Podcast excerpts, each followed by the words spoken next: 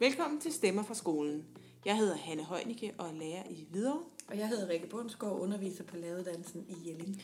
Den her udsendelse den har vi lavet i samarbejde med Lærernes A-kasse, og den går ud til alle dansklærerne. Den handler nemlig om skrivedidaktik. Ja, og hvorfor er det egentlig, man skal skrive i skolen? Ja, øh, det spørgsmål stillede jeg mig selv flere gange, kan jeg huske, da jeg selv gik i skole. og jeg har ved Gud også mødt et par elever, der har spurgt, når de blev sat til at skrive en novelle eller en stil, hvorfor de overhovedet skulle gøre det. Ja. Hvem, hvem er teksten egentlig til? Ja. Hvorfor skal jeg skrive den? Mm. Øh, og i en periode, kan man sige, så har genre fyldt rigtig meget i skolen. Ikke? Så har det ligesom måske været svaret. I skal lære at skrive en masse forskellige typer tekster, fordi det er dem, der er ude i verden. Mm. Og så har den procesorienterede skrivende i hvert fald også fyldt rigtig meget. Mm. Det her det handler om situeret fremstilling, og det er ligesom den tredje vej. Ja, det kan man sige. Øh, og det er dig, Rikke, der øh, har undervist i, i øh, metoden i, øh, i dit virke som øh, underviser på læreruddannelsen. Det har jeg nemlig, fordi øh, situeret fremstilling er en ret øh, et nyt koncept, kan man sige, for øh, skriveundervisning, som er udgivet i en bog til læreruddannelsen af, af to undervisere på, øh, på læreruddannelsen Absalon. Og jeg har brugt den med mine studerende, som har op, og jeg har oplevet der, at, øh, at de har været vildt grebet af det, når de har brugt det ude i skolen. Mm. Og øh, de lærere, de mødte ude i skolen, de var faktisk også grebet af det. Ja. Og øh, senere i den her podcast, der taler vi med en af de studerende, og en af de lærere, som hun arbejdede sammen med. Men inden vi skal møde dem, så skal vi tale med Lise Overgaard Nielsen. Og Rikke, det er dig, der har ringet hende op, for at få hende til at give os en, en ret grundig indføring i hele den her metode. Ja, hun har skrevet situeret fremstilling sammen med Jens Madsen. Vil du ikke starte med at, øh, at sige lidt om, hvorfor du og Jens Madsen fandt det nødvendigt at formulere det, I kalder et nyt didaktisk koncept for skriveundervisningen, og også lidt om, hvad hovedprincipperne bag situeret fremstilling øh, er. Jo, altså øh, grunden til, at vi gik i gang med projektet for jo snart en, en noget tid siden, øh, det var sådan set øh, to grunde. Det var dels fællesmåls kompetencebegreb, som vi synes ikke rigtigt, at der var ikke rigtig nogen skrivepædagogik, der havde taget det kompetencebegreb alvorligt. Øh, så det tænker vi, der skal være en skrivepædagogik, der passer til det kompetencebegreb, som faktisk er i folkeskolens fællesmål. Øh, så det var den ene ting. Og den anden ting, det var erfaringer fra at have været ude i grundskolen rigtig meget og set en masse undervisning. Og der havde vi sådan nogle situationer, hvor vi så rigtig mange børn, som, som ikke kunne komme i gang med at skrive, som, øh, som, som når de ikke kunne finde på noget, så, så, så startede læreren med ligesom at prøve at give dem nogle sætninger, og så mm øh, vidste læreren faktisk ikke rigtigt, hvad man skulle, og det endte egentlig langt hen ad vejen med en form for en disciplinering, sådan med om, når jeg kommer tilbage, så har du skrevet to sætninger mere. Altså det er der jo ingen, der bliver en god skriver af. Øh, så, så det var egentlig øh, nogle af grundene, altså noget af det, vi faktisk så ude i skolen, når vi var på alle mulige forskellige øh, grunde, vi var ude i skolen, og så mm. kompetencebegrebet fællesmål. Øh, så det var sådan baggrunden for det. Ja. Øh, og hovedprincipperne kan man sige, jamen det handler om, at vi øh, ser på en tekst, som, eller ser på det at skrive som en håndtering af en tekstsituation. Ikke som det at nå norm, eller øh, have en god proces, eller skrive korrekt nødvendigvis, men det at håndtere en tekstsituation. Fordi kompetencebegrebet handler om at håndtere situationer. Og mm. derfor mente vi, at der var brug for en skrivedidaktik, der satte fokus på, hvordan kan man så blive bedre til at håndtere skrivesituationer. Mm. Og der øh, et andet af principperne er en internalisering af de fire perspektiver. Øh, og de fire perspektiver, de kom jo både frem ved, at vi interviewede øh, en masse gode, en masse gode skrivere i skolen. Altså nogle af de der børn, som når de skal skrive en novelle på to sider, så kommer der 20 sider, som sidder og skriver derhjemme. Øh, altså nogle af de der børn, som bare skriver af sig selv, øh, og som var gode skriver. Hvad er det egentlig, de gør? Øh, og der kunne vi sådan, ud fra, de sagde selvfølgelig ikke, der er de her fire perspektiver, mm. men vi kunne ud fra det, de sagde, der kunne vi ligesom sige, at hvis det skal blive en god tekst, så skal man ligesom omkring de her fire perspektiver. Kan du ikke lige øh, uddybe de fire perspektiver? Hvad, hvad, ja, altså, hvad, det, hvad det er? Når man skal skrive en, ja, når man skal skrive en tekst, så skal man selvfølgelig finde på et indhold. Mm. det, er jo, logik, det er udgangspunktet. Øh, og det kalder vi producentperspektivet, altså det at finde på indhold, eller finde indhold, hvis man nu skal researche. Mm. Øh, det at ville noget med sin tekst og udtrykke sig. Det ligger ligesom i producentperspektivet. Men det vi så, det var, at der var rigtig mange børn, som ikke kunne komme væk fra det, og deres tekster var præg af, at de fandt på sådan nogle, og så, mm. og så, og så, eller jeg ved det her om 2. verdenskrig, og så ved jeg det her om 2. verdenskrig, som jeg ved det her, og så er det, de skulle slutte til sidst, fordi nu ved jeg faktisk ja. ikke mere. Øh, det er sådan en typisk producentperspektiv, og det er rigtig fint. Det er bare ikke nok til at skrive en god tekst. Øh, så er der selvfølgelig brugerperspektivet, det at forestille sig læserens tanker, forståelser, oplevelse, indlevelse, meninger. Altså det at forstå, at der rent faktisk er en læser af en tekst, men det kræver jo igen selvfølgelig, at der er en tekstsituation. Øh, og det er også selv at positionere sig i teksten. Hvad er det for en rolle, jeg vil have i teksten? Vil jeg være en, der ved det hele? Vil jeg være en, der er belærende? Vil jeg være en meget tydelig fortæller? Eller, altså, hvordan mm. vil jeg selv positionere sig i teksten? Det er brugerperspektivet. Mm. Så er der det æstetiske perspektiv, som handler om, at man egentlig øh, rykker fokus lidt væk fra indholdet, men fokuserer på den sproglige æstetik. Det var ord, udtryk, stil, retorik, alt efter om, hvad det er for en slags tekst, og hvad det er for en situation, man skal håndtere. Og det er selvfølgelig også at fokusere på hele det multimodale. Mm. Øh, layout, billeder, øh, skrifttegn, skriftudtryk i det hele taget. At det er en del af det. Øh, og det sidste perspektiv, det er normperspektivet, og det er ikke fordi det her det er det første eller det sidste, eller, men det, det fjerde perspektiv mm. er normperspektivet. Og øh, det har vi egentlig delt op som øh, den kulturelle norm, og det er jo det, som man typisk vil kalde alle genrerne. Øh, altså, hvordan ser professionelle tekster ud, der har håndteret den samme type situation? Mm. Øh, og så er det selvfølgelig også retskrivningen, den formelle sproglige norm øh, at øh, ja, i nogle situationer er det meget, meget vigtigt, at teksten er meget korrekt. For eksempel, hvis man skal lave en ansøgning øh, til noget, så øh, er det typisk meget vigtigt, at den er korrekt. Hvis man skal udgive det, så er der mange, der skal læse det. Er det også ret vigtigt, at det er korrekt. For ellers skal folk simpelthen ikke læse det og forstå det. Pludselig for man positionerer sig som en, der faktisk ikke ved så meget om det, man skriver om. Men hvis man der er rigtig mange tekster, hvor, det, hvor teksten retskrivning faktisk ikke er så vigtigt, fordi mm. det handler om indholdet. Ja. Så det er sådan de, det er sådan de fire perspektiver, øh, og det kunne vi jo både se, når vi var ude i grundskolen, at børnene jo øh, blev meget bedt om at starte i producentperspektivet eller i normperspektivet. Ja. Men vi kunne se, at der var rigtig mange børn, øh, der især i, i indskolinger på mellemtrinene, som faktisk startede i det æstetiske perspektiv. De mm. googlede sig til, hvordan kunne en prinsesse se ud, eller hvordan kunne en dinosaur se ud, eller de googlede sig til en masse billeder, og det blev egentlig ikke rigtig taget alvorligt mm. som en måde at åbne, håndtere en tekstsituation på. Det blev set som, ja ja, men nu skal I også at gå i gang med at skrive, mm. i stedet for at man ligesom fik det, øh, brugt det som en ressource, at børnene faktisk havde en stemthedsfornemmelse af, hvad virker, hvordan skal min person se ud.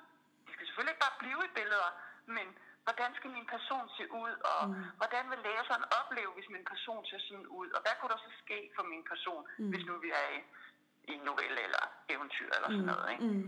Øhm, så, så de der fire perspektiver, hvis man skal skrive en god tekst, så skal man faktisk rundt øh, om, om dem alle sammen, og det er jo mm. meget sjovt efterfølgende, efter vi er færdig, har lavet bogen og færdig med det og alle de der ting, så, så, øh, så kan vi tydeligt se på tekster, også skrevet af voksne mennesker, fordi det er heller ikke alle voksne mennesker, der kan det her, mm. tydeligt se på tekster, om, om skriveren har været rundt i alle de her fire perspektiver.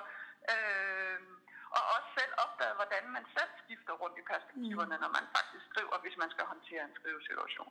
Så det godt fungerer som sådan også et slags stilas for, for skriveprocessen? Ja, det er, det er i høj grad et stilas for mm. eleven. Altså, øh, vi har tænkt det som, at eleverne øh, selvfølgelig alt efter hvor, hvor gamle de er, men de skal simpelthen lære de her øh, skift imellem de her perspektiver, fordi når man er gået i stå, hvis man bliver ved med at blive mødt med, at man skal finde på, når man nu er gået i stå med at finde på, mm. så altså man kan jo ikke løse problemet med det, der er problemet. Nej. Men det at skifte til, hvordan har andre gjort? Er der nogen, der har lavet nogle tekster, der har håndteret den her skrivesituation? Er der nogle billeder, der kunne sætte noget i gang? Hvad vil brugeren tænke om din tekst? Øh, det kunne vi se, det åbnede, øh, det åbnede for, at eleverne kom videre og havde mange flere mestringsoplevelser, fordi de ikke gik i stå hele tiden. Mm. De der skrivesituationer, som, de er jo også sådan et vigt, en vigtig del af den situerede fremstilling. Hvad, hvad, kan, du, kan du ikke lige prøve at sige, hvad kunne en skrivesituation være, eller hvad kendetegner en god skrivesituation? Ja, altså, øh, vi synes selvfølgelig, at den bedste skrivesituation, det er en autentisk situation, som mm. man, øh, hvor man, altså uden for skolen. Vi deler ja. det jo lidt op og siger, i stedet for bare at have det en helt skolske eller det helt autentiske, så taler vi jo om, at der er altså, der er altså noget midt imellem. Man kan også tale om en forestillet tekstsituation ja. eller en simuleret tekstsituation, som for eksempel en storyline-agtigt forløb. Men det er vigtigt, at eleverne i løbet af deres skoletid oplever flere gange, det behøver ikke være hver gang, men oplever rigtig mange gange, at de skriver noget, der rent faktisk skal bruges af nogle andre. At de skal rent faktisk læse det. At jeg skriver ikke bare til min sidekammerat, eller til min morfar, eller til læreren og putter det ned i tasken. Mm. Øh, og det er jo fordi, at en, en, en del af det her øh, situerede fremstilling også handler om at give alle børn adgang til det, vi med, med Smiths begreb kalder The Literacy Club, altså mm. det at få adgang til skriftsamfundet. Så der er også mm. en demokratisering, der ligger mm. nede under, så det er ikke kun er de børn, der kommer fra hjem, hvor tekster fylder meget, men det er alle børn, der får den her adgang. Mm. Øh, og derfor er det vigtigt, at man får i løbet af sin skoletid den slags oplevelser. Ja. Øh, og det kunne være, at man øh, for eksempel, øh, til, hvis man nu skal på tur, hvis man nu skulle på museum, eller Frilandsmuseet, eller et eller andet, mm. bare zoologisk have eller noget, at man så der laver for eksempel øh, tekster, som kunne fungere på iPad, som kunne fungere på telefoner, som alle børn jo render rundt med, mm. som kunne handle om, så de kunne stå der og læse om giraffen, mm. som er noget, nogle af de andre elever har skrevet om giraffen, mm. og ikke kun den der lille tekst, som står på skiltet foran giraffen i zoologisk mm. have. Men altså det, at deres tekster bliver brugt til noget, sådan at den tekst, jeg har skrevet om giraffen, skal faktisk af nogle andre børn bruges til at læse de her ting. Men hvordan er, fordi man har jo i lang tid i skolen arbejdet med sådan et perspektiv, hvor man tager udgangspunkt i genren. Ja. hvad, er forskellen på at tage udgangspunkt i en skrivesituation, og så tage udgangspunkt i en, øh, en bestemt genre? Ja, altså, øh, noget af den store øh, ting, der er med genre, det er jo, at øh, tekstsituationen bliver mere implicit. Der er jo en slags tekstsituation til den her genre, mm. øh, men, men den bliver meget mere implicit, hvor vi hiver den frem og gør den meget tydelig. Ja. Plus at genrepædagogikken, det kan godt være Halliday ikke sagde det, men i hvert fald med Rose og Martins udgave af genrepædagogikken, og det er det blevet til ude i skolen, mm. af det vi har set, det er blevet meget øh, korrekthedsorienteret hen mod, at man skal skrive en rigtig norm. Ja. Øh, man skal skrive en bestemt slags tekster, og så ender vi faktisk i, at det bliver øh, sådan, at man, kan ikke, man har ikke både kun stavefejl, man har faktisk også tekstkonstruktionsfejl, så man har ikke ramt genren. Øh, og, øh, og det er jo noget af det, der faktisk rent faktisk kunne bonge ud på afgangsprøven, hvis man ikke har ramt den rigtige genre. Ja. Øh, så der er blevet sådan en have i genrepædagogikken, der handler om at ramme rigtigt, ja. ramme den rigtige norm for en tekst. Og der er det, vi sådan helt grundlæggende siger, jamen, er de normer så i virkeligheden, er det i virkeligheden sådan, at, at tekster er bundet af, af, af sådan nogle tydelige normer? Øh, øhm, og hvor vi ligesom siger, at tekster er bundet af den situation, det er i. Mm. Man kan håndtere en tekstsituation med mange forskellige slags. Den kompleksitet, som er det er helt almindelige i virkelige tekster, er det sådan, den kan genrepædagogikken ikke rigtig rumme. Mm. Øh, og det gør, at eleverne jo kommer ud med en meget stereotyp øh, forståelse af, hvad tekster er, og at det at skrive handler om at skrive rigtigt. Mm. Hvis, øh, altså, så man kan sige, at det på en eller anden måde også er et modsvar til genrepædagogikken, det her situerede fremstilling. Ja, altså, øh, det er i hvert fald et modsvar mod, at målet skulle være enorm, mm. øh, og at vi kan reducere tekster til, nogle, til otte punkter. Øh, men øh, fordi det vi mener, det er i virkeligheden, at når, tekst, tekst, når genrebeskrivelserne bliver så simple, at det handler om otte normer, eller 10 normer, eller 10 måder, man gør det her på, så, øh, så, så øger man i virkeligheden også abstraktionen for børnene. Mm. Øh, så samtidig med, at man reducerer selvfølgelig en kompleksitet, for de skal bare overholde de otte normer, men det bliver i virkeligheden sværere at forstå, fordi det ikke er sat ind i en sammenhæng. Ja. Så ja, det er, øh, men det er jo ikke sådan, at genre- og modeltekster ikke er en del af det her. Det er bare kun et af perspektiverne. Ja. Så... Altså, det, jo, det jo ligger jo i normperspektivet, at selvfølgelig skal vi skrive, skal, selvfølgelig skal børnene skrive tekster, der fungerer, mm. øh, både normmæssigt, sprogligt, syntaktisk øh, og også formmæssigt, så man kan genkende det her, det er rent faktisk en opskrift, eller det her, det er rent faktisk en reportage, eller hvad det nu kan være, de skriver. Men i modsætning til genrepædagogikken, så siger vi, den ressource at bruge normerne er kun én ressource mm. blandt de fire ressourcer, mm. man har som skriver. Ja. Øh, ja. Så det er ikke sådan, at vi siger, at genre ikke findes, ja. eller man kan ikke bruge modeltekster til noget. Men så bare ikke udgangspunkt i at forsøge at få efterlignet. Det er didaktiske design, Nej. og det er ikke målet i sig selv. Nej. Øh, Nej, okay. En anden norm, som jeg også fylder meget i dansk undervisning, det er det her med, med stavning og grammatik. Øh, hvordan, øh, hvordan anbefaler I, at man arbejder med, med den del af dansk undervisning ind i sådan et situeret perspektiv her? Ja, altså vi taler om tre principper øh, at øh, man skal først og fremmest forstå, at stavning og tegnsætning er situeret i meningsfulde tekster, mm. i meningsfulde situationer. Ikke? Og det vil sige, at det er faktisk ikke altid vigtigt. Nej. Det er faktisk det første, man ligesom skal forstå, når man arbejder med stavning og tegnsætning. Hvis jeg er ved at skrive et storyboard til mine kammerater, så er det faktisk ikke vigtigt. Nej. De skal bare lige kunne læse det. Men det er selvfølgelig rigtig, rigtig vigtigt til folkeskolens afgangsprøve. Ja. Det er selvfølgelig rigtig vigtigt, hvis jeg vil søge job i Bilka Ungarbejderjob. Det er ja. selvfølgelig rigtig vigtigt, hvis der er nogle andre, der skal læse det, fordi vi laver en avis, som vi uddeler på skolen. Så selvfølgelig kan sta- er stavning og tegnsætning vigtigt. Det er bare ikke det vigtigste. Nej. Øh, og det er ikke vigtigt altid. Nej. Øh, så, så start med at, at arbejde med det i de situationer, i de tekster, hvor det rent faktisk er vigtigt. Øh, det er jo ligesom første princip. Ikke? Mm. Og så mener vi også, det er vigtigt at se det ud fra et udviklingsperspektiv. Altså, at når man øver sig, så laver man fejl.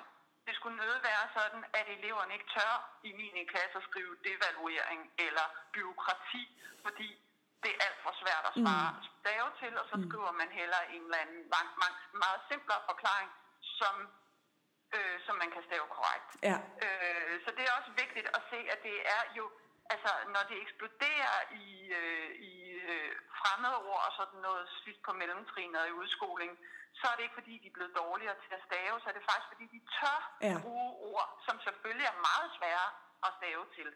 Øh, og så øh, man kan sige, at didaktikken, det handler så i virkeligheden om, at det skal læres som strategier til problemløsning. Det er ikke et pensum i sig selv. Det giver ikke mening at kunne en masse staveregler eller kun en masse grammatikregler, hvis man ikke kan bruge det, når mm. man rent faktisk skal skrive. Så det er for guds skyld ikke pensum, så, så øh, det handler om, vi bruger det jo meget i forhold til minilektioner, at nu kan man se, hey, der er mange, der glemmer at begynde med stort, øh, der, hvis vi er sådan i 3. og 4. klasse, mm. øh, der er mange, som har brug for at øve sig i at stave det her, eller sådan. så kan man tage ind øh, grupper af mindre elever, hvor de så øh, lige får præsenteret en stavestrategi, prøver at øve sig på den og implementere den med det samme i deres egen tekst. Øh, hvad for nogle ord er det egentlig, jeg kommer til at stave forkert i den her tekst? Men altså kun i tekster, hvor det er vigtigt, ja. Det ender med at være korrekt. Lise, nu er der ikke udviklet nogle læremidler endnu, som tager udgangspunkt i situeret fremstilling. Man kunne håbe, at de, at de kom på et tidspunkt. Men, øh, men hvis man nu sidder som lærer og lytter øh, her, og godt kunne tænke sig at lave sådan et øh, forløb med situeret fremstilling, hvordan vil du så anbefale, at man, at man går til det? Hvordan kan man bygge sådan et forløb op? Hvad skal man være opmærksom på i sin planlægning? Det aller, aller vigtigste, det er, at man får etableret en tekstsituation. Hmm. Øh, det er det, læreren skal engagere sig i og bruge mest krudt på. Ja. Og det at skrive en anmeldelse, eller det at skrive øh, en novelle, er ikke en tekstsituation. Nej. En tekstsituation handler om, at der er nogen andre end lige øh, sidemanden eller læreren, der skal bruge det til noget. Mm. Øh, så, hvis, så det handler ikke om at starte med at tænke, nu synes jeg, de trænger til at lære at skrive anmeldelser, men det handler om at tage fat i bibliotekaren og sige, hey, hvad siger du til, henvender dig til os, min 4. klasse, og siger, kunne I ikke anbefale nogle bøger til børnene, og så kunne vi hænge de anbefalinger, øh, lægge dem ind i bøgerne, når man kigger på dem, eller hænge dem ned på biblioteket, eller hvordan det nu er indrettet på en skole. Mm. Øh, og så starter man der. Så det at etablere tekstsituationen, det er det aller, aller vigtigste. Mm. Øh, så går man i gang med at forberede præsentationen. Altså det kan være, at man nogle gange skal have bibliotekaren til lige at komme og sige, hvad det er, bibliotekaren godt kunne tænke sig. Det være, at man skal gå over på SFO. Det kan være, at man skal øh, klæde sig ud. Øh, det behøver slet ikke at være så stort. Men det kan være, at man skal gøre et eller andet, hvis det er et simuleret forløb. Mm. Men altså, hvordan vil jeg præsentere det her? Skal brevet fra, fra forældrerådet være på smartboardet, så alle kan se det? Skal de have udleveret brevet hver især? Skal der komme en person? Eller mm. hvordan det nu skal være, ikke? Mm. Og så skal man også forberede situationsanalysen. Øh, alle, der går i gang med det her, der vil det jo være første gang, de laver sådan en. Ja. Øh, så, så der er man jo nødt til at stilisere situationsanalysen rigtig meget, også selv man er i 8. og 9. klasse. Og det vil jo sige, at man laver den sammen, og læreren skriver ned. Og eleverne derefter får den nedskrivning, om de kan se det på en tavle, eller det er printet ud, eller i Google, og det må man jo selv bestemme. Mm. Men at eleven hele tiden kan holde den der situationsanalyse, og læreren hele tiden sørge for at komme tilbage til den her situationsanalyse, så man ikke mister situationen undervejs. Mm. Men selvfølgelig, hvis man har arbejdet, prøvet at lave sådan en situationsanalyse mange gange, mm. så er målet jo selvfølgelig, at man i udskolingen kan selv begynde i grupper af to-tre stykker og lave en situationsanalyse, øh, til at man jo selv skal kunne mestre det at lave en situationsanalyse. Øh, men, men hvis man aldrig har prøvet det, og det er der jo ikke ret mange, der har, så hvis man aldrig har prøvet det, så kan man jo selvfølgelig ikke starte der. Så Nej. man er nødt til at starte det meget stiliseret, også selvom man er i 8. og 9. klasse. Og situationsanalysen, det er at kigge på, hvem er modtageren, hvad er formålet i den her situation, og, og så nogle spørgsmål. Ja, ja. Hvad, er på, hvad er på spil i den her situation? Øh, og det er jo helt ude i, jamen, vi skal både overbevise nogen, og der er også nogen, der skal have lyst til at købe noget, og der er også mm. nogen, der skal have lyst til at komme, og, mm. og hvordan vil vi så positionere os selv i den her situation, og har vi prøvet at lave sådan en, har vi prøvet at håndtere sådan en situation før? Og så kan man sige, det er forberedelsen. Ja. Øh, så er der selve undervisningen. Der starter man jo så med an, øh, analysen af tekstsituationen. Det er altid udgangspunktet. Øh, og så øh, går de jo sådan set i gang med at skrive Øh, og der vil læreren jo fungere som, som vejledende og som den, der løbende giver respons, øh, og eleverne fungerer som øh, responsgiver til hinanden. Øh, og så vil der være mini-lektionerne, ja. øh, som er et stort omdrejningspunkt også i, den, i det didaktiske design. Øh, og det er der, hvor man ligesom, det er der, det er der, hvor man ligesom sætter fokus på noget, som man kan se, at nogle af eleverne har brug for at vide lidt mere om.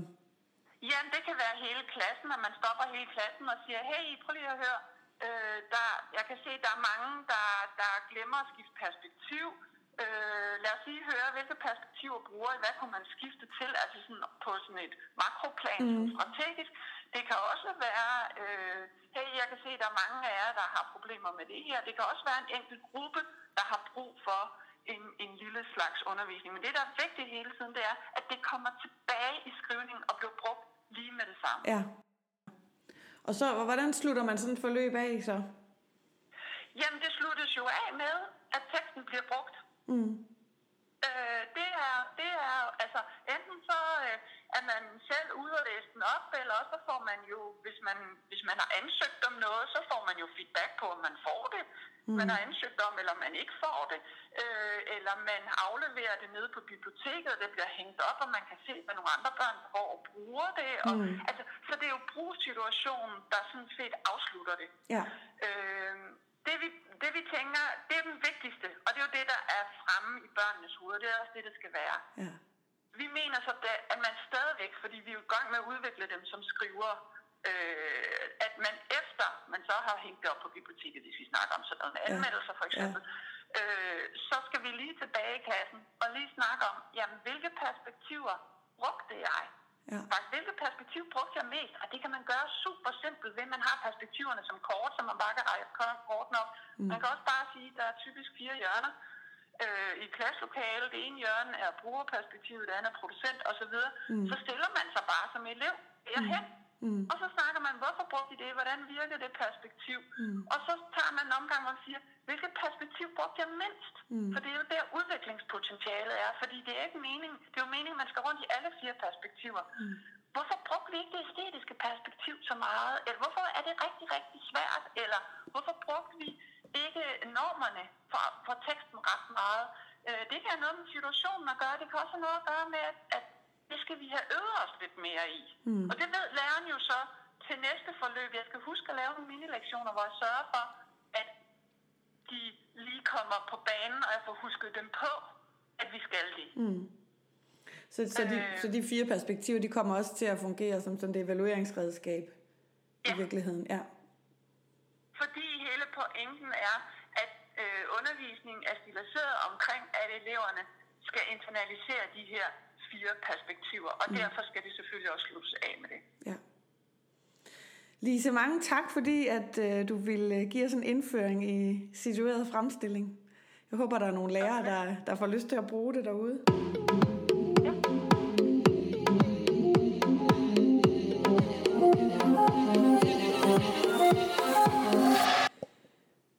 Jeg har som sagt arbejdet med det her situerede fremstilling sammen med nogle studerende øh, fra Jelling, læreruddannelsen i Jelling.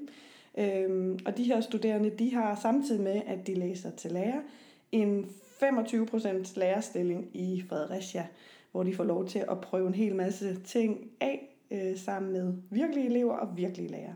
Og noget af det, de alle sammen har prøvet af, det er et forløb i situeret fremstilling. Og jeg har talt med Michaela Hansen, øh, og den lærer, hun arbejder sammen med i en 6. klasse, Birgit Brixen, om hvordan det har været at arbejde med situeret fremstilling, og øh, hvad det egentlig er for et forløb, de har udviklet. Michaela og Birgit, tak fordi I var med i Stemmer for skolen. Mm. I har jo øh, sagt ja til at fortælle om et forløb, I har gennemført med situeret fremstilling. Og Michaela, det er dig, der har udviklet det sammen med nogle andre studerende på laveruddannelsen i Jelling. Ja. Vil du ikke starte med at fortælle, hvad det, hvad det er for et forløb, I har lavet?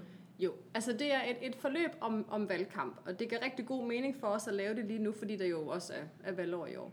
Men, men det var det her med, at det skulle være noget, der blev øh, autentisk på en eller anden måde for eleverne. Så, så hvordan får man det lige lavet? Og så sad vi meget og snakkede om, hvordan vi skulle gøre det.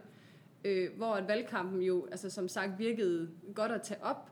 Og så det her med, at hvis man har flere øh, klasser på samme trin, så kan man slå det sammen, og nogen skal være stemmer. Og vi har jo så her valgt at, at også inddrage lærerværelset, hvilket mm. vi ikke i det læremiddel, vi udarbejdede, som, som egentlig sådan havde gjort. Men det har vi jo så valgt at gøre her for os, at eleverne også har andre. Altså det er ikke bare de andre elever, for det kan nogen godt tænke, at det er lige meget.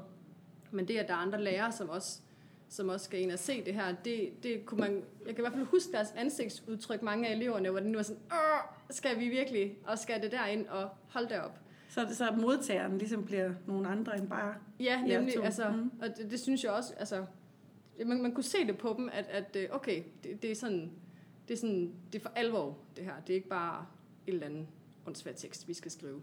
Så de har skulle lave, de har skulle lave en, en, øh, nogle tekster til en valgkamp, hvor de selv stiller op til et valg? Ja. Som om de er nogle bestemte partier, eller? Ja, altså vi har, vi har jo startet ud på den måde, at de skulle skrive ned. Øh, vi, havde, vi havde i, i studiegruppen her valgt nogle forskellige værdier, som de kunne vælge imellem. Og så skulle mm. eleverne vælge sådan en tre værdier og skrive sådan lige kort om, hvad de synes om den. Og så begyndte vi at sidde, og da de havde gjort det, og danne grupper på baggrund af det. Sådan, okay, de her, de synes det samme om det, og dem kan mm. vi godt komme sammen. Og så på den måde blev der dannet nogle partier, som sådan i hvert fald rimelig meget havde de samme værdier, de gik ind for, så de ligesom havde noget at relatere til at snakke om okay. i partiet. Ja. Så, det så vi har ligesom besluttet, at, at det er tre værdier, deres parti skal, skal ja. mene noget om, fordi ellers så kan man jo brede det voldsomt meget ud. Ja. Men vi har besluttet de tre, det har de selv valgt sig ja. ind på, og så har vi besluttet, at det er de tre, I skal arbejde med. Ja, okay. Ja. Og hvad er det så for tekster, de har skulle fremstille, eller de kommer til at fremstille i, i løbet af det her øh, forløb? Jamen, så har de jo skulle starte med at lave et, principprogram. Og det skulle være øh, ikke kort, men altså lidt, lidt mere sådan fyldskørende omkring, hvad de mener om det her, og hvad de måske også tænker, de, har, de kunne gøre ved det. Mm. Og det skulle de jo så gøre med alle de her tre øh, værdier, de har valgt ud. Kan du nævne nogle værdier, nogle af dem har? Jamen det kunne være sådan noget som øh, klima og miljø, ja. og det er der faktisk rigtig mange, der har en holdning til. Mm. Jeg, jeg tror også, at det hælder til, at de også har haft meget om grøn energi i et andet fag. Ja. Øhm, Altså det er der rigtig mange, der har valgt. Og så sad vi faktisk og snakkede om, vi er meget overrasket over, at der er mange, der har valgt sådan noget som ældre. Ja. Altså, ja. Hvor, hvor kom den lige ind hen? Det havde vi ikke tænkt, det var altså... Nej. Jeg havde tænkt, de fleste vil vælge noget med unge og skole, ja. de fleste vil vælge noget med klima og miljø, og, og i og med, at vi er sådan en lidt multietnisk klasse, så ja. vil der nok også være mange, der havde en holdning til flygtninge og indvandrere. Ja. Men ældre, det var det faktisk øh, ja. Nå, sjovt. en af de topscorer. Okay, ja, det var det ja. så det betyder noget for, ja. for børn i 6. Ja, klasse. Åbenbart, ja. Vi var selv meget overrasket, men ja. det er der så mange, der har valgt. Ja. Ja. Så de har lavet principprogrammer. Hvilke andre ja. tekster skal de lave så? Jamen, så skal de jo så lave en valgplakat, som afspejler det, som de har skrevet i deres principprogram. Okay. Så i stedet for, at det bliver et, øh, et billede af dem selv, så bliver det med billeder, der siger noget om det, de mener. Ja. Øhm, og det var så den anden ting, de skal ja. lave. Og der har, de, har vi så også valgt, at de kan skrive nogle små sådan, statements på, ja. omkring, øh, hvis der er et billede, der afspejler noget omkring klima, jamen hvad er det så, de mener? Bare ja. meget kort om, om hvad, hvad skal de med det? Ja. Hvad mener de om det? Ja, kan du ikke læse op, hvad, hvad er der for eksempel nogen, der jo, har skrevet altså her er der en, der har skrevet under et billede omkring, øh, nu skal jeg se, om klima her. Vi går meget op i klima og miljø, det vil gerne vil passe på vores verden. Ja, altså, så det Som er sådan, en del af valgplakaten. Ja, ja nemlig. Og så har de jo også skrevet omkring, øh, de har skrevet sådan noget Dansk Samfundsparti, som er det, de ja. hedder, øh, er parti, der går ind for, at det skal koste færre penge at køre med offentlig transport. Ja. Så der er også, øh, og der er også en holdning omkring sådan noget, egentlig var meget interessant. Ja. Og det har de, den her gruppe har så valgt at køre det sammen med deres øh, klima, altså lige nøjagtigt det her med, at man kan køre i bus, ja. og så sparer man den CO2 ved, at vi kører i biler. Så ja. det er egentlig meget kreativt, ja. egentlig, synes jeg. At, så det er de to tekster, øh, de skal lave i forløbet, og så... Så i næste uge, der skal de i gang med at lave en, en valgtale, ja. som så skal afholdes for de to andre 6. klasser den dag, hvor vi ligesom laver vores valgdebat. Så der okay. starter vi ud med, at de skal holde deres valgtale, og så er der så en fra partiet, der skal deltage i debatten derefter. Der kan okay. de selvfølgelig ikke rigtig have skrevet en tekst til, Nej. men der skal de så kunne debattere ud fra det, de så har arbejdet med i grupperne med de andre tekster. I de andre tekster, ja. ja. Så på den måde er der en sammenhæng mellem de forskellige tekster, de, de ja. konstruerer. Ja. ja. Og jeg vil også sige, at i valgtalen her, der vil der også komme til at være fokus på, at de selvfølgelig skal, skal skrive det, men, men, men det bliver også noget med, at de skal, de skal vide noget om, hvordan man også formidler den, altså i forhold til den mundtlige formidling. Mm. Hvordan, hvordan, øh, hvordan, står, hvordan har det betydning for, hvordan jeg står, og hvordan jeg bruger min stemme og sådan noget. Mm. Så det er også noget, vi kommer til at komme ind på ja. i forhold til det. Så, det... så på den måde for dansklæreren, kan mm. man sige, så har der været mange aspekter i spil, både noget med at kunne skrive nogle tekster, men det har også været handlet om layout, mm. det kommer til at handle om stemmeføring, intonation osv., det kommer til at handle om at kunne debattere mundtligt med hinanden, så der er rigtig mange danskfaglige ting ja. på spil. I samme forløb. Også i og med, at, at skal noget op og hænge, og nogle andre skal se på det, nogle andre skal stemme på jer, så er I mm. også nødt til at øh, have jeres øh, retstavning på plads, og der skal sættes kommaer, og der skal være store bogstaver osv. Ja. Ellers så, øh, så er det jo ikke interessant for andre.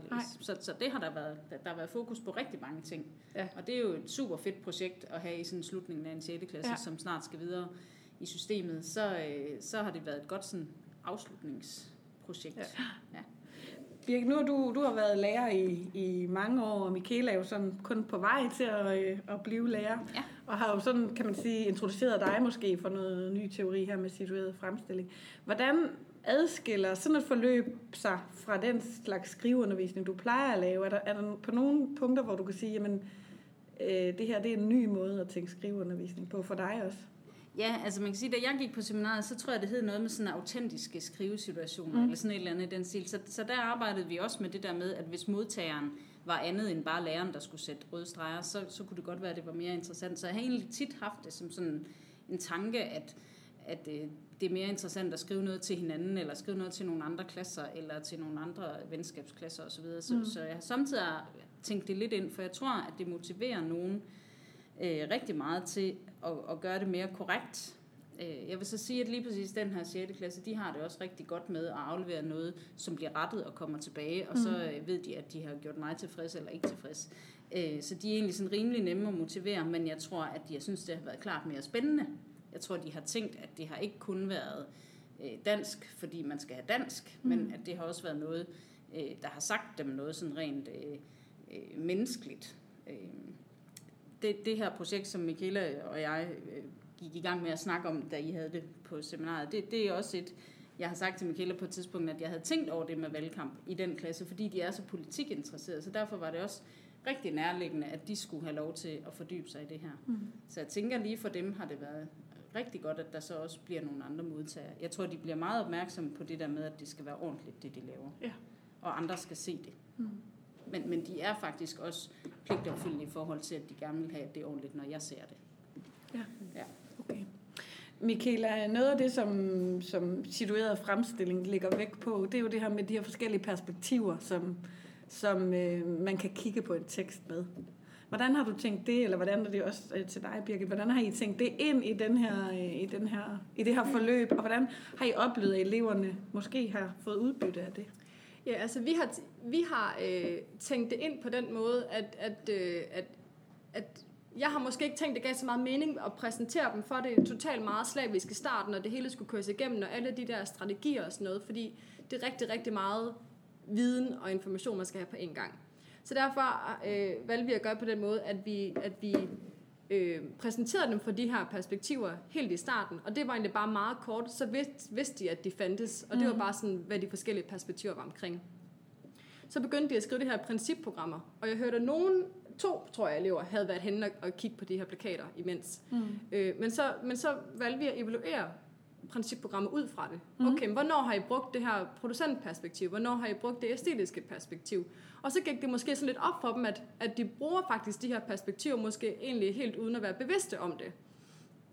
Og så, og så evaluerede vi egentlig ud fra det. Og så var det, at, øh, at en af grupperne, som har lavet et ret godt layout, og virkelig har prøvet at få det både øh, øh, øh, deres øh, principprogram og deres valgplakat til at passe sammen, hvor jeg faktisk var nede og snakke med dem om lige nøjagtigt det æstetiske perspektiv, øh, fordi at de har lagt rigtig meget vægt på deres layout, hvor jeg siger, jamen altså, det er jo lige nøjagtigt det her, I gør. I går ind, I leger med jeres skrifttype, I går ind og finder forskellige billeder og sådan noget, så det er jo lige nøjagtigt det her, I gør. Så en anden gang, I bliver i tvivl, så kan I gå hen og kigge, er jeg i tvivl om det her? Når man fint nok, så står der en lille strategi, det kunne jeg prøve. Mm. Så der er vi meget inde på det æstetiske perspektiv, lige med det. Jeg var med den, med den gruppe. Mm. Og det tænker jeg også det der med, at de var præsenteret for det, men øh, fra starten af forløbet, men der gav det måske ikke så meget mening i og med, at, at de ikke helt kunne se det for sig i forhold til en tekst. Men når vi så nævner det igen senere, og de har noget tekst og kunne sige, men okay, her har vi faktisk brugt det, og hvad kunne vi så ud, videreudvikle der, så gav det mere mening for dem. Mm. Jeg tror stadigvæk, der er nogen, der vil tænke, at jeg forstår ikke, hvad det her hænger sammen med, ja. at vi sidder og skriver et principprogram. Mm. Men for nogen giver det mening at sige, når man kan påpege, jamen her, nu er I faktisk inde og kigge på normperspektivet, fordi I er inde og kigge på, hvordan får jeg det her til at ligne noget, der også er et principprogram. Hvordan får jeg min retstavning på plads og sådan nogle ting. Jeg synes egentlig, at, at nogle af grupperne begynder at kunne bruge ordene og sige, også i og med, at vi har lavet, eller Michaela har lavet de her plakater med stikord til det, og, og hvad kan jeg kigge efter. Som så hænger i klassen, mm. så man hele tiden kan gå ind og kigge på det. Jeg tænker da, det, det kommer vi da til at bruge Ja, fordi man, man kan også sagtens bruge det på alle mulige andre tekstsituationer. Ja. Det behøver jo ikke kun at lige være det her forløb. Det kan man jo have til at hænge i klassen gennem hele skoleåret. Og ja. så hver gang, at man, altså igen, hvis man skal skrive en tekst, og man er svært ved at finde på noget, så kan man gå op og kigge på producentperspektivet. Hvad, hvad kan jeg gøre for at hjælpe mig selv til at få noget ned på papiret? Ikke? Mm. Altså, så der, jeg tænker, at, at det giver mega god mening til alle mulige slags sådan, ja. skrivesituationer. Så, så Birke, du kunne godt finde på at arbejde videre ud fra de her perspektiver, når du, øh, når du arbejder med andre tekster ja, med eleverne. Det tænker jeg helt sikkert. Jeg tænker, at øh, jeg får lov til at beholde de der plakater, Michaela ja, har lavet. det gør og så kan de blive der, og jeg kan bruge dem fremover. Fordi jeg tænker, øh, jeg tænker, at jeg vil arbejde videre med det der med, at, at det er nogle øh, mere autentiske skrivesituationer, vi skal ind i. For jeg tror, at de bliver, de bliver presset lidt mere på, at det faktisk skal være ordentligt. At mm. der, øh, at en ting er, at man kan tale med dem om, at øh, når du engang skal skrive en jobansøgning, så er der jo ikke nogen, der gider læse den, hvis du ikke kan sætte et komma og sådan noget. Men, men at de rent faktisk oplever, at allerede nu er det egentlig vigtigt, at det, jeg får ud, det er, mm. det er noget, der kan kommunikere til folk. Altså, man kan skrive i et ordentligt sprog, og man kan ramme den genre, vi er, vi er ude efter. Mm. Ja. Nu siger du, at du kunne finde på at arbejde videre måske med den her måde at lave, øh, lave tekstforløb øh, på. Mm. Har du nogle forslag til nogle, øh, til nogle gode skrivesituationer? Øh, altså, hvad kunne det næste være? Hvad, hvad vil du normalt ellers arbejde med i en, øh, i en 6. klasse? Hvordan kunne det laves om til, til sådan en skrivesituation? Altså, når vi når 6. klasse, så er vi jo meget ude i, at de skal lære øh, at skrive i forskellige genrer. Mm. Og så er det jo det, man skal ud i at tænke, jamen, hvordan, hvordan får vi... Øh, øh, lavet genren novelle til noget, der så også bliver autentisk. Og det, det er samtidig lidt svært, og det bliver lidt opstillet, men, men jeg tænker, at vi har før gjort noget med, at vi har, øh, vi har sat dem til udstilling rundt omkring det, de får lavet, fordi så kommer de også til at gå op i, at det skal være et layout, der fanger folk osv. Mm. Øhm, men, men der er det til sådan en bred gruppe til alle dem, der går forbi, så den er knap så autentisk som det her, hvor de bliver holdt op på og skal lave en debat til sidst. Ja. Så øh, altså, det, det vil jeg klart øh, tænke videre i, men jeg har ikke sådan øh, opfundet nogen... Måske kunne man udgive dem på skolebiblioteket, de der noveller. Ja, ja. Måske. Ja. Michaela, hvad med dig? Er det noget, I har talt om i, i studiegruppen, eller noget, du har tænkt over, når du ser, hvad det er for tekster, øh, eleverne i 6. klasse, eller nogle af de andre klasser, du kommer i, øh, laver? At, at, øh, hvad for nogle andre situationer kunne man Altså man kan jo sige, øh, jeg har jo både den her 6. klasse, så har jeg jo også lidt en anden, øh, deres parallelklasse mm. har jeg jo lidt. Og der har jeg prøvet at købe dem ind i det her forløb ved, at de, jeg har dem kun en time i ugen, ved at de øh, har fået lov at være journalister i det her forløb her. Mm. Så de har brugt øh, 20 minutter, tror jeg det var, det havde de i hvert fald til, det tog ikke så lang tid. De havde 20 minutter til at gå ind øh, og interviewe de her partier. Så de her journalister var delt ind i nogle grupper, og så fik de et parti hver, som de skulle interviewe. Så har de fået det på video, og de har optaget det, og så skal de skrive en artikel om det, ligesom når, når man normalt gør. Så skriver de en artikel om det. Øhm, det der er med det, det er, at den her titel er ikke fordi den som bliver, øh, den, den bliver ikke autentisk på den måde, men det at de har fået lov til at gå ind og, og interviewe det her parti, og de samtidig også skal være dem, der stemmer, og de skal være dem, som, som sidder til den her debat. Mm. Det har gjort, at de har synes, det har været ret spændende. Øh, bare det, at, at de skulle det.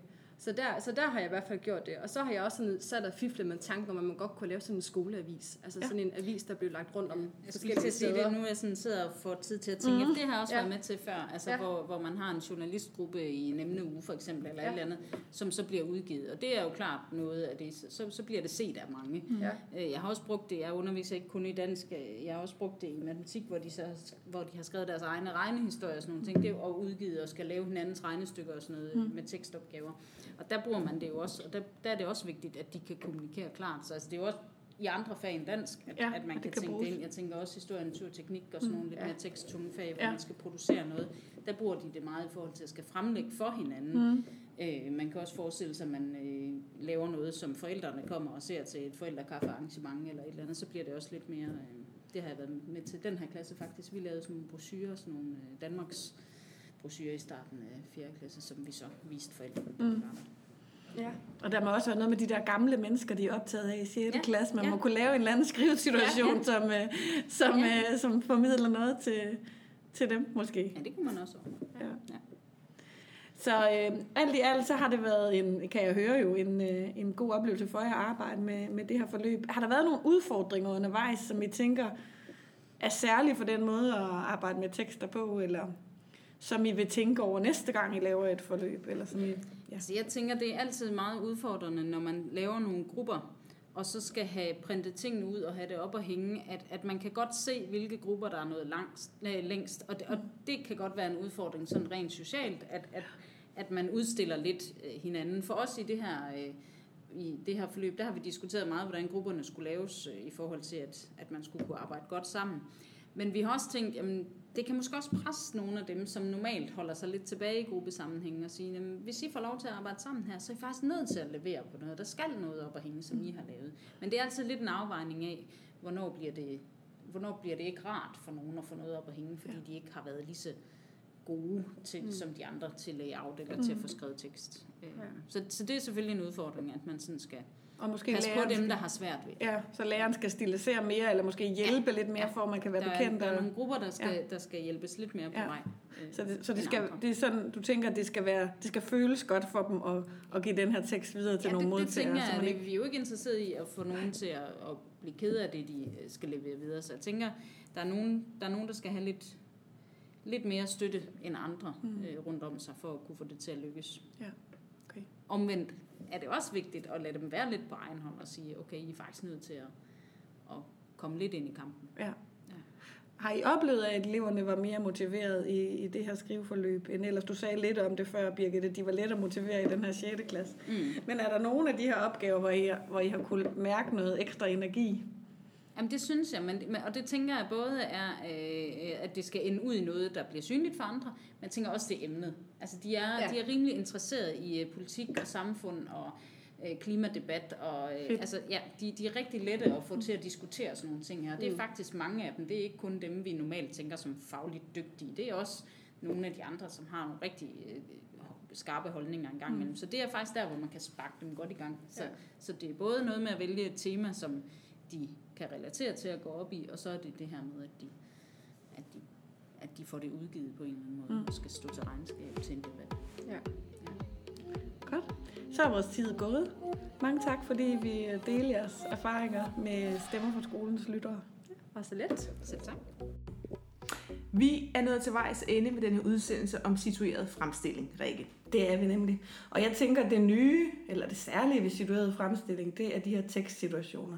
Vi har jo hørt om autentiske tekstsituationer før i dansk, og det er der en masse ud i skolen, der allerede arbejder med. Men det, at tekstsituationen får lov til at fylde så meget og bliver til genstand for analyse, mm. også for, hos eleverne, både før de skriver en tekst, mens de skriver en tekst, og når de er færdige med at skrive en tekst. Det synes jeg er, er ret spændende, og de her fire perspektiver jo på den måde kommer til at fylde mm. en del. Ja, og jeg vil sige, at jeg, jeg følte mig lidt ramt som lærer, fordi jeg har godt nok tit sat nogle elever i gang med nogle meget skolske opgaver, og så er de gået i gang med at sidde og søge på et eller andet på nettet, og jeg vil allerede, når de går i gang med at søge, så bliver jeg idiot af det. Mm. Og sige, kom nu i gang for pokker. Ikke? Ja, det gælder ikke rigtigt, det der. Nej, det er bare sådan noget, det er sådan noget tilløb til arbejdet. Mm. Men nu har jeg faktisk lært, at de der æstetiske processer har en kæmpe stor betydning mm. øh, for at forstå, hvad det er, man skal skrive om, for at få en indgang, for at underbygge og understøtte det, man, det, man skriver. Øh, og det har kvalificeret min skriveundervisning. Mm. Bare det, jeg får den viden her. Du har ikke prøvet det endnu. Jeg har ikke prøvet det endnu, nej. Du tænkte dig at gøre det. Mm.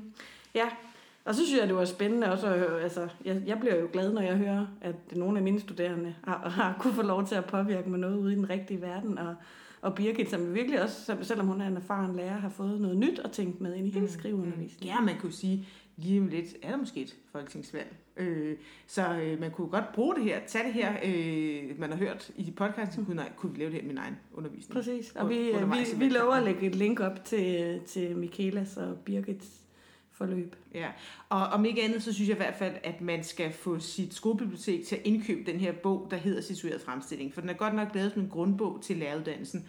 Men der er rigtig mange gode, konkrete eksempler i, hvordan man kommer, går til den her metode. Mm, mm. Så øh, den her bog, jeg har, den ryger i hvert fald ud på min skole, og det vil jeg anbefale en hel masse andre lærere også at få gjort. Ja, så med den opfordring, så siger vi øh, tak for i dag. Ja, vi høres ved en anden gang.